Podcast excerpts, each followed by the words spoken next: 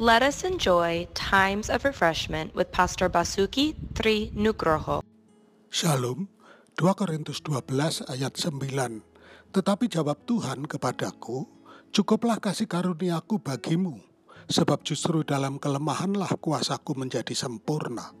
Sebab itu terlebih suka aku bermegah atas kelemahanku, supaya kuasa Kristus turun menaungi aku.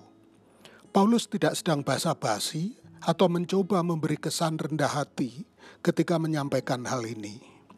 Jan Oswald Sanders dalam bukunya Paul the Leader menulis, kita merupakan bagian dari generasi yang memuja kekuasaan, militer, intelektual, ekonomi, ilmiah.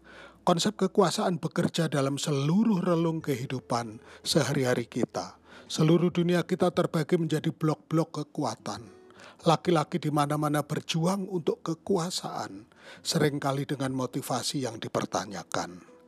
Pengkhotbah Skotlandia yang terkenal James Stewart membuat pernyataan yang juga menantang.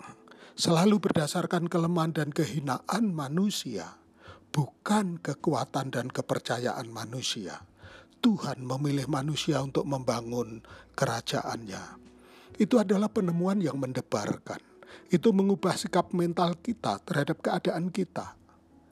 Mari berhenti cukup lama di sini untuk mempertimbangkan prinsip ini dengan serius.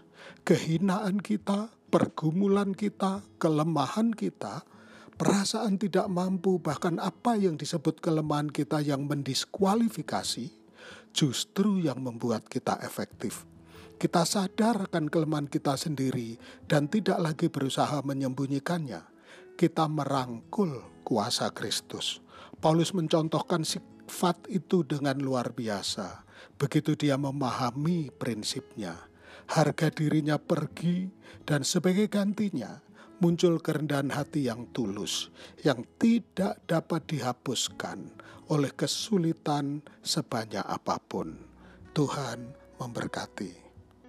Untuk info pelayanan lebih lanjut, hubungi GBI Grace Community Center Makassar di nomor 081 343 625 334. Tuhan memberkati.